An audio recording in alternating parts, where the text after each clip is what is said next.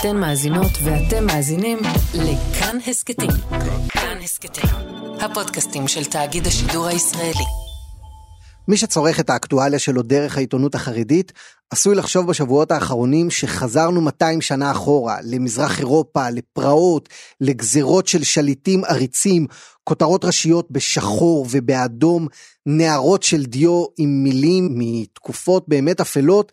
הפרשן יאיר רטינגר הגדיר את זה בטוויטר שלו, הגירוש מגן העדן. אז לא תאמינו מי האורח שלנו היום, שלום רטינגר. שלום לך עקיבא. בפרק הזה של עוד יום אנחנו מעיינים בכותרות הראשיות, יש לנו כאן על השולחן כמה מהן, אה, יתד נאמן, ממשלת זדון לאומית, הדרך של ש"ס.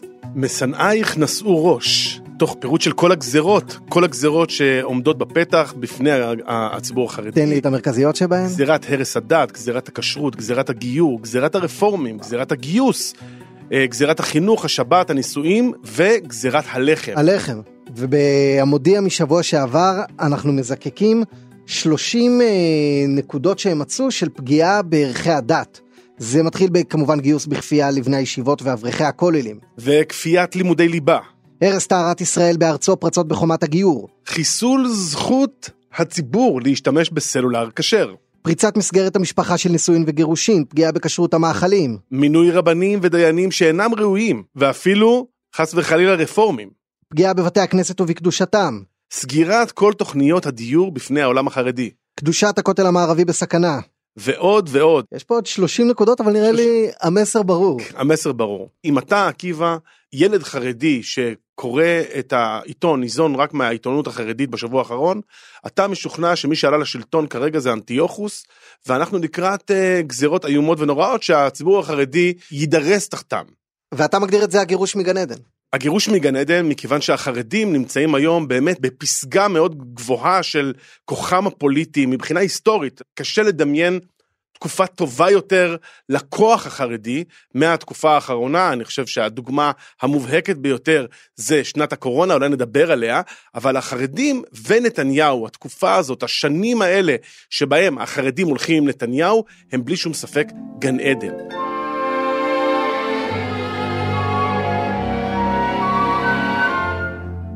מה כולל גן העדן הזה שממנו עכשיו המפלגות החרדיות מגורשות לאופוזיציה? גן העדן הזה כולל קודם כל המון המון כוח פוליטי. הכוח הפוליטי הזה יש לו הרבה מאוד ביטויים.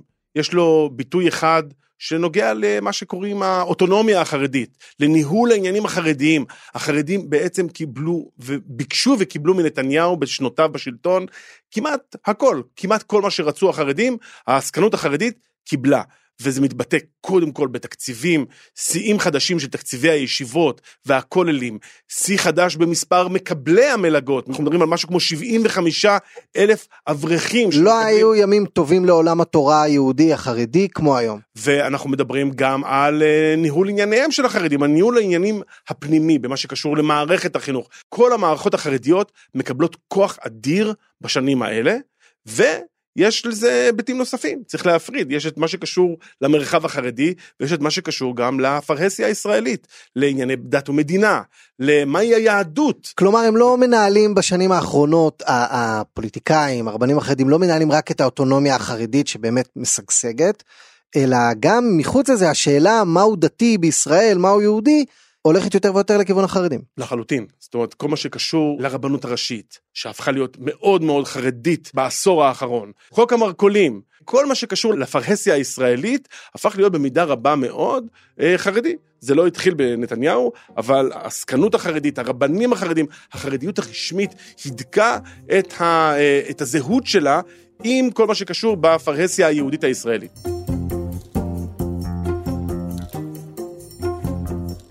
ב-2009, כשציפי לבני לא הקימה בסופו של דבר ממשלה ונתניהו עלה לשלטון, אז ציפי לבני אמרה איזה משפט מאוד מאשים, נתניהו ייתן מיליארדים לחרדים. יש מחירים שאחרים מוכנים לשלם, אבל אני לא מוכנה לשלם אותם על חשבון המדינה, על חשבון אזרחיה, ורק בשביל להיות ראש ממשלה בממשלת שיתוק. אז זה היה נשמע כמו איזה האשמה, אתה יודע, שנתניהו יקפוץ מיד להכחיש, היום זה בבחינת למי אכפת. 2009 היא השנה שנת האפס, נקרא לזה, של הגן עדן. המפלגות החרדיות נמצאות uh, בשלטון רוב שנותיה של מדינת ישראל, ונהוג לחשוב שמאז ימי בגין, שבגין אימץ את החרדים בחום, והפך אותם לחלק מאוד משמעותי בתוך הקואליציות שלו, אז שם התחיל האביב החרדי. אבל נקודה משמעותית נוספת הייתה ב-2009. ב-2009 הייתה תחרות בין ציפי לבני לבנימין נתניהו אחרי עידן אולמרט, מי יקים ממשלה. שניהם יכלו להקים אגב. שניהם יכלו זה היה להקים, משחק פתוח. שניהם יכלו להקים ממשלות שהיו טובות לחרדים אגב. ובאה ציפי לבני והציעה לחרדים, הלכה לרב עובדיה, והציעה לחרדים המון, תקציבים, שרים, ממשלה בשותפות מלאה של החרדים. כמו שבני גנץ כעבור שנים אמר אני אתן להם דף שהוא שני שליש ריק תמלאו בעצם ציפי לבני ובני גנץ שהם היו היריבים של נתניהו הם הסכימו לתת מה שהוא נותן אבל נתניהו תמיד זכה. בדיוק. ומה שקורה שם זה הדבר הבא. ציפי לבני באה ואומרת, בואו החרדים, אני אתן לכם הרבה מאוד כוח, הרבה מאוד תפקידים ותקציבים. בואו תהיו שותפים שלי. בא בנימין נתניהו ועשה משהו אחר. בא בנימין נתניהו אמר, אני לא אתן לכם כוח, אתם תהיו הכוח. אתם תהיו חלק מהממשלה, אתם תהיו השלטון, ולא עוד שותפים בשלטון. שם נכנס המושג של השותף הטבעי. בעצם הממשלה של נתניהו מאותו רגע ואילך הפכה להיות ממשלה שהחרדים הם חלק אינטגרלי בה, באסטרטגיה שלה. וחוץ מהפסקה קטנה שתכף נדבר עליה בממשלת לפיד בנט, אבל חוץ מזה, בעצם אז נולד הבלוק. בלוק נתניהו חרדים חרד"לים אה, שאומר אנחנו הגוש השמרני מנהל את מדינת ישראל. לחלוטין. והחרדים בתקופה הזאת להוציא אותה תקופה שאנחנו עוד שנייה נדבר עליה. אנחנו מפתים פה את המאזינים. תכף נדבר על 2013-2014 תכף. אבל חוץ מזה ב-12 שנים האלה תור הזהב. תור הזהב והחרדים מקבלים הכל. ונתניהו הולך עם החרדים ואומר להם את הדבר הבא היהדות היא לא אתם לא תהיו משקי הדת כמו שאמרה מפא"י למפד"ל או לאגודת ישראל, אתם לא תהיו משקי הדת, אתם תנהלו את האירוע, אתם תנהלו את הזהות היהודית, ויותר מזה, אתם גם תוכלו לנהל גם את מה שקורה במרחב שלכם, אבל גם את מה שקורה במרחב הישראלי, בפרהסיה הישראלית, זה הרבה יותר מזה, וגם תוכלו לקבל תחומים אזרחיים אדירים, לא רק אה, מה שנוגע לתקציבים חרדים, פתאום ב-2009 אריאל אטיאס, שר הבינוי והשיכון, אלי ישי, סגן ראש הממשלה, שר הפנים, יושב בקבינט הביטחוני. פתאום נהיה כאן משהו חדש, אירוע חדש. החרדים הם לא סתם משקי דת, הם לא אחראים על מה שקשור לישיבות ולשטייטל ולשטיבל, הם הופכים להיות חלק אינטגרלי בניהול של מדינת ישראל. ועוד מדרגה אפילו קורית כשמספרית ופוליטית הברית של נתניהו עם החרדים בעצם מצילה אותו, משמרת את השלטון. כי בהתחלה עוד היה מכרז פתוח מול ציפי לבני, ואחר כך הוא נאלץ להכניס את בנט ולפיד במקומם. אבל בשנים האחרונות אריה דרעי בקמפיינים שלו כבר זה, זה נתניהו והוא לידו. תהיה ממשלת ימין גדולה, שיעמוד בראשה ראש הממשלה נתניהו. ש"ס תדאג לכך, וש"ס תהיה חזקה בתוך הממשלה הזו. מצביעי ש"ס הם ממש אה, ביביסטים וגם גפני וליצמן הם שותפים מאוד מאוד נוחים וכשנתניהו חייב אותם להישרדותו הפוליטית אז באמת זה מגיע לשיא שהוא מתחיל במרץ 2020. נתניהו רואה בחרדים חלק מהבלוק הם שותפים זאת אומרת זה לא הליכוד הליכוד מגיע עם מפלגות הלוויין שלו והחרדים יש להם את המעמד של בעצם אריה דרעי הופך להיות בשנים האחרונות סוג של סגן ראש הממשלה. הוא הופך להיות האדם הקרוב ביותר לנתניהו מבחינת העוצמה הפוליטית שלו. ואנחנו רואים בקורונה שנתניהו שהוא היפוכונדר והוא באמת אחד המנהיגים בעולם שהכי נלחצו מהקורונה וגם הביא את uh, הישג החיסונים אבל לאורך כל שנת הקורונה מצד אחד הוא ממש לוקח את זה ברצינות מצד שני הוא מאפשר לחרדים לשים פס. לחלוטין אני חושב שמה שקורה בתקופת הקורונה זה באיזשהו מקום השיא החרדי שבו אתה רואה את הפריבילגיה להיות חרדי במדינת ישראל. זאת אומרת יש כללים ויש כללים שנוגעים לציבור החרדי, והדברים האלה קורים, אתה רואה אותם ממש חשוף לחלוטין, אתה רואה פתאום נכדו של הרב קנייבסקי הופך להיות כוכב המהדורות, והרב קנייבסקי בעצמו. מבני ברק, מקורביו של מנהיג הציבור הליטאי חרדי, הרב חיים קנייבסקי, אומרים לנו הערב, מוסדות הלימוד לבנים, קרי ישיבות, תלמודי התורה והאברכים, ימשיכו ללמוד כרגיל למרות ההחלטה... ביחס לנכד של הרב קנייבסקי, הרב קנייבסקי לא זמין. גם כשכל אחד מדבר איתו, מדברים עם הנכד. גם אני דיברתי עם הנכד. אני לא רואה בזה פחיתות כבוד. ולחרדים יש מעמד של הבן המועדף. וזה מה שקורה בתקופת הקורונה, שיא הכוח החרדי, ובסופה של אותה שנה אנחנו רואים גם את הסיפור של מירון. לאט לאט פתאום הציבור הכללי בישראל מתוודע למשהו שקיים כבר הרבה מאוד שנים, אבל הוא מתוודע בעוצמה רבה למה שמכונה האוטונומיה החרדית. הדבר הזה שהוא הכוח הכמעט בלתי מוגבל שיש לעסקנות החרדית במדינת ישראל. והיסטורית בדור האחרון, בכל פעם שהחרדים הגיעו לאיזושהי פסגה, אחריה בא הגירוש.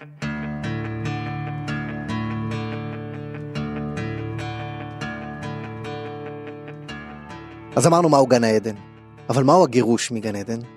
שלוש פעמים בדור האחרון הושלכו החרדים לאופוזיציה.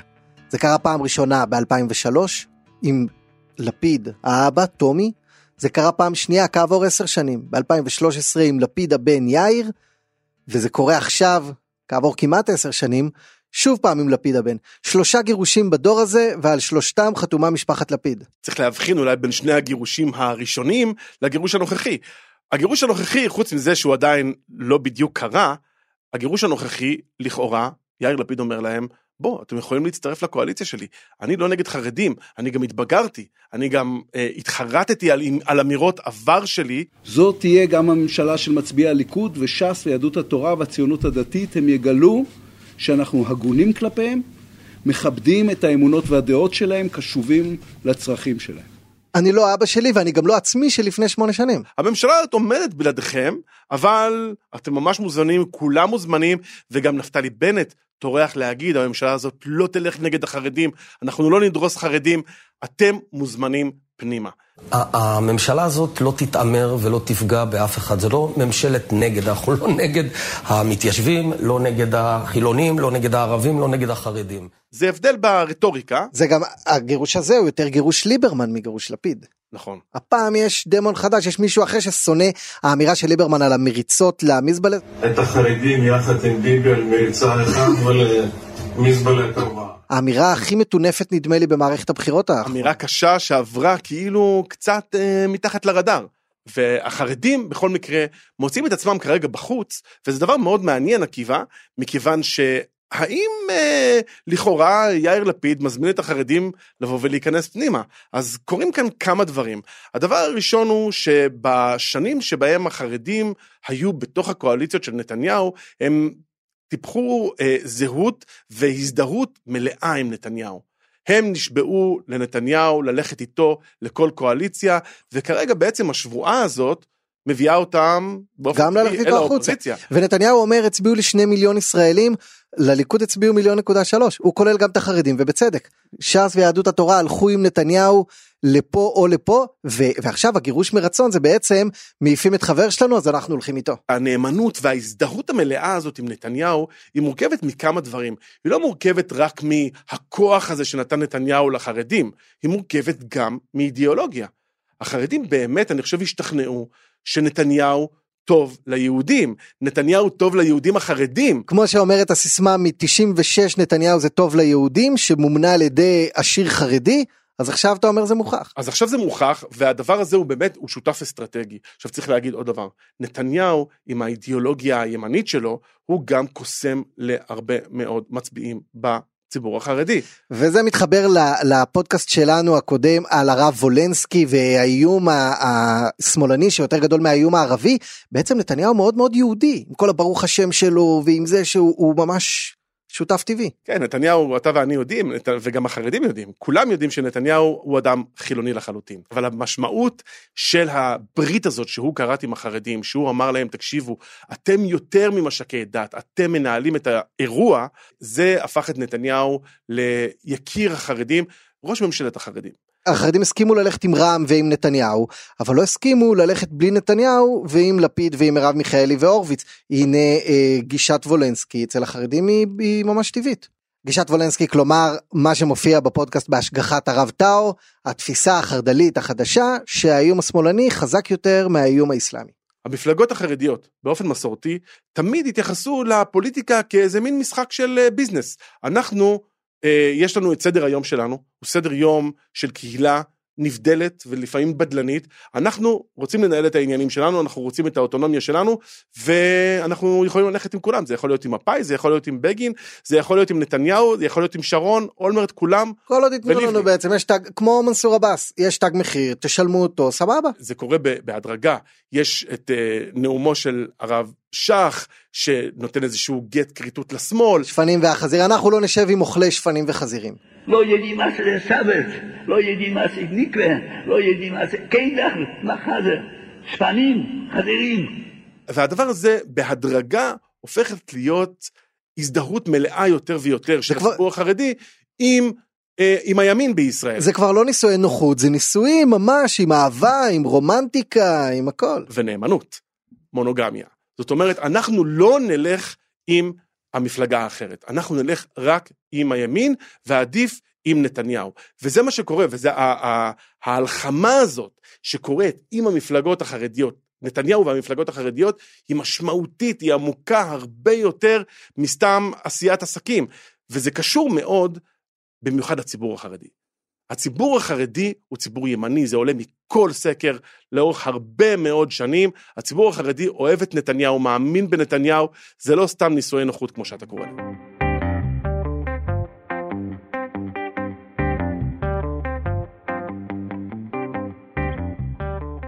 והגירוש הזה השלישי, הוא נבדל לא רק בזה שלפיד הוא כבר לא אותו לפיד, ושראש הממשלה הוא בנט, ושר הדתות המיועד, אה, מתן כהנא, הם בסך הכל די אוהבי חרדים, אבל תראה, אנחנו מחזיקים עיתון אה, יתד נאמן מ-2013, ממשלת הזדון לומדי התורה לכלא, זעזוע ושאט נפש בעולם היהודי מההחלטות המבישות וההסתה הפרועה כנגד לומדי התורה. זה לא ה vibe היום ברחוב, זה לא ה vibe בטח של בנט, של, אה, אה, של כל מי שעם ליברמן. אני לא חושב שליברמן אה, ימשיך להסית נגד החרדים מתוך הממשלה. אני חושב שכשר אוצר הוא יטיל גזרות כלכליות על כולם כי הוא חייב, כי אנחנו בצרה כלכלית. גם הזכרנו שהחרדים מוזמנים עדיין ו- ובנט יהיה המאושר באדם שהם ייכנסו לקואליציה הזאת. ואחרי שני הגירושים הקודמים היה תיקון גדול. כלומר הייתה מחיקה של כל הגירוש וכל הפגיעה בעולם התורה ובעולם החרדי ב-2006 ו-2005 כשהחרדים חזרו לקואליציה וב-2015 כשבנט ו- ולפיד הברית הזאת פורקה אז נתניהו מחק לחלוטין אנחנו לא אין שום זכר למה שיש עתיד עשתה ב-2013 בממשלה.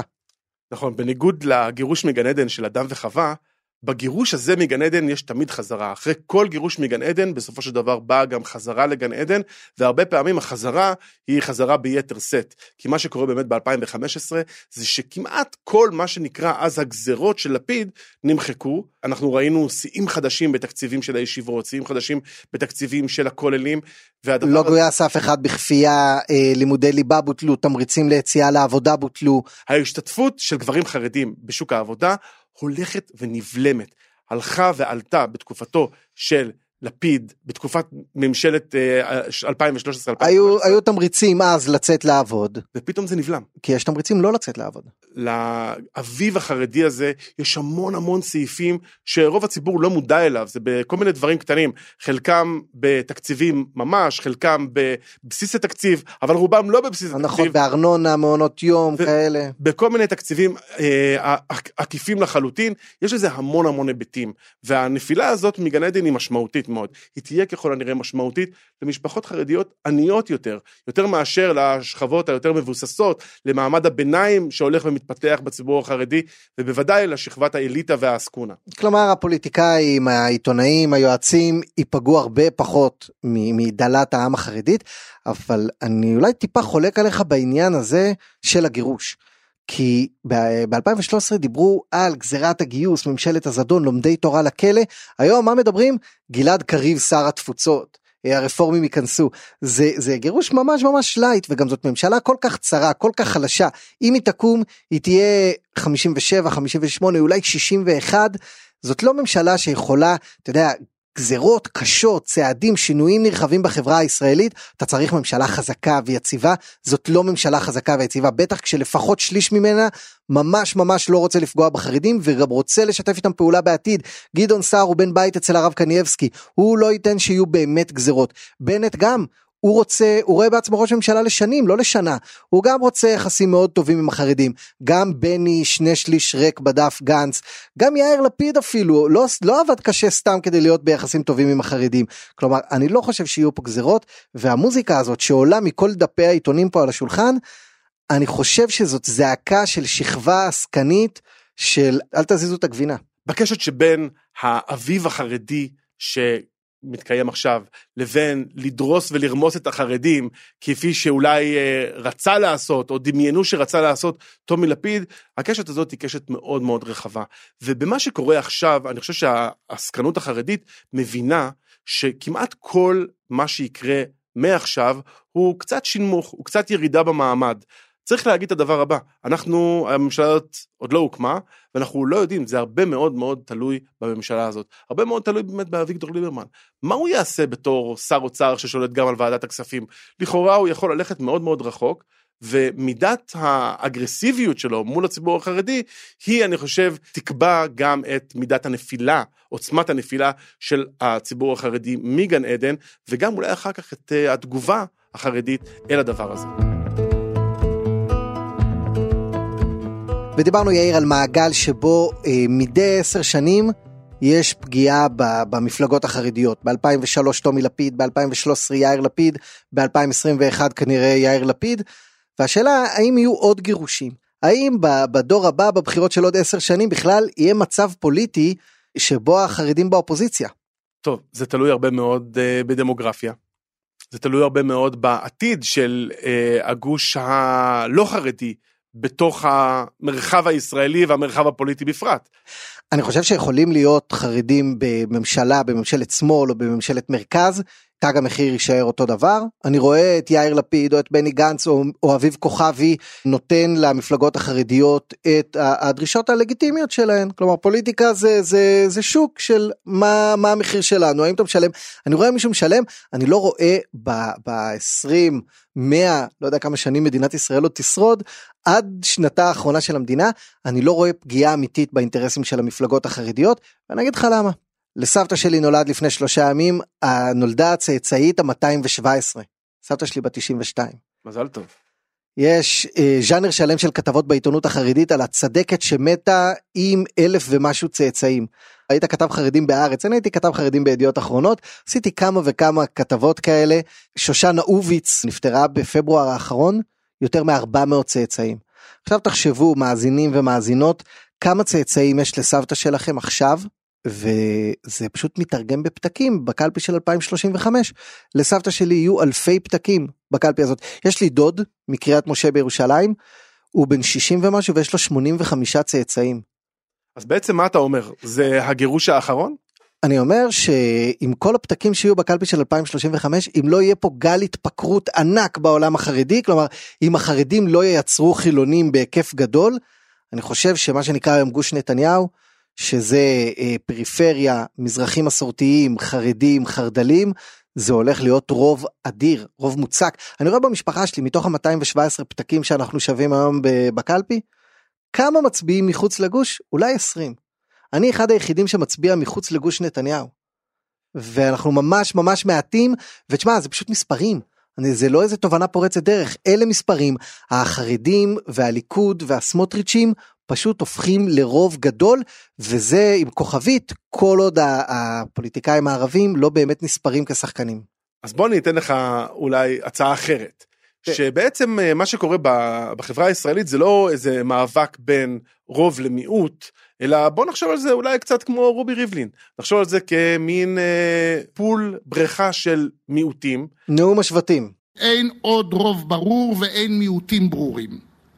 סדר שבו החברה הישראלית מורכבת מארבעה מגזרים, ואם נרצה, ארבעה שבטים מרכזיים שהם שונים במהותם, אלה מאלה שילכו ויתקרבו זה אל זה בגודלם.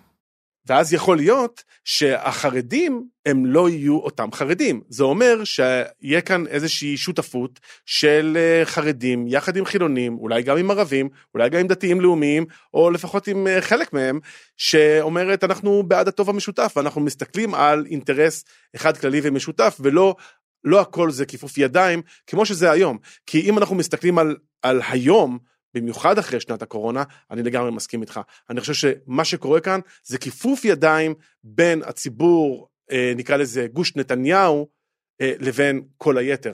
זאת אומרת, זה או אתה תשלוט או אני אשלוט. אז אני אומר, התסריט האופטימי היחיד אומר שיהיה כאן שותפות של כמה מגזרים, שיגידו אנחנו טורחים אה, לעשות את זה כטוב משותף. עכשיו, האם הדבר הזה הוא אפשרי? השנה האחרונה הוכיחה שהוא לא אפשרי בכלל, אבל אני חושב שאולי... אנחנו יהודים מאמינים אבל. לא, א', אנחנו יהודים מאמינים, אבל גם אני חושב שאולי אחרי העידן הזה של נתניהו, שבו המחנות הסתדרו בדרך מסוימת, אה, אולי זה יסתדר אחרת. יכול גם מאוד להיות שאם אנחנו מסתכלים על פוליטיקה חרדית, אולי הפוליטיקה החרדית, וזה דווקא דבר שהרבה יותר סביר שיקרה, אולי הפוליטיקה החרדית תחזור להסתכל על הפוליטיקה כעניין של אנחנו באים לעשות עסקים. אנחנו ביי פרטיסן, אנחנו יכולים ללכת עם שתי המפלגות, אנחנו רוצים לחזור להיות לשון המאזניים של הפוליטיקה הישראלית, זה דווקא דבר ש... כן יכול לקרות. כלומר אתה מדבר על מעבר דורי בין דור נתניהו שזה ליצמן ואריה דרעי ומשה גפני, משה גפני נכנס עם נתניהו לכנסת באותו יום בנובמבר 88, ליצמן עבר את כל שלושת הגירושים. אה, גם אריה דרעי מבפנים ומבחוץ. אז 99, כן.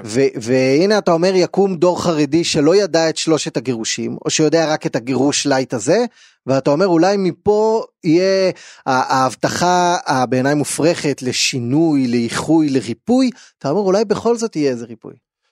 כן, אני חושב שהדברים האלה יבואו דרך עניינים מאוד מאוד פרקטיים. זה לא יעבור דרך איזשהו חזון משותף, זה לא יעבור דרך נאום ארבעת... לא ישירו קומבאיה ברחובות ישראל. לא, זה לא הסיפור. הסיפור יהיה בסופו של דבר הצורך.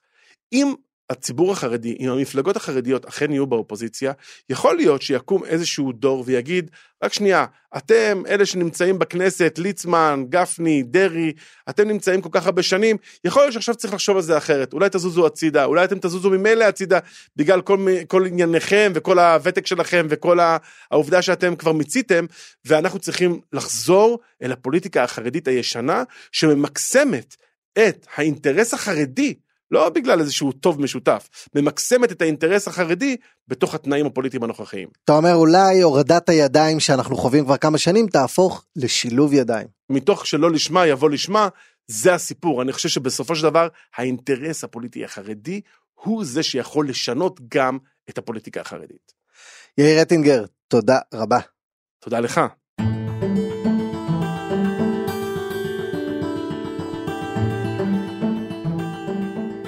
ותודה לכם שהאזנתם לפרק הזה של עוד יום, שאותו ערך והפיק דניאל אופיר, רחל רפאל עיצבה את הקול והמיקס, ליטל אטיאס על הביצוע הטכני. נשמח מאוד לשמוע הערות שלכם בטוויטר, באינסטגרם, בפייסבוק של יאיר רטינגר ושלי, עקיבא נוביק. אנחנו מזמינים אתכם להצטרף לקבוצה שלנו בפייסבוק כאן הסכתים ולהמשיך להאזין לכל הפרקים של עוד יום, גם של גילי כהן ושל מיכל רשף, בכל אפליקציית פודקאסטים שמכבדת את עצמה. ניפגש בפרק הבא.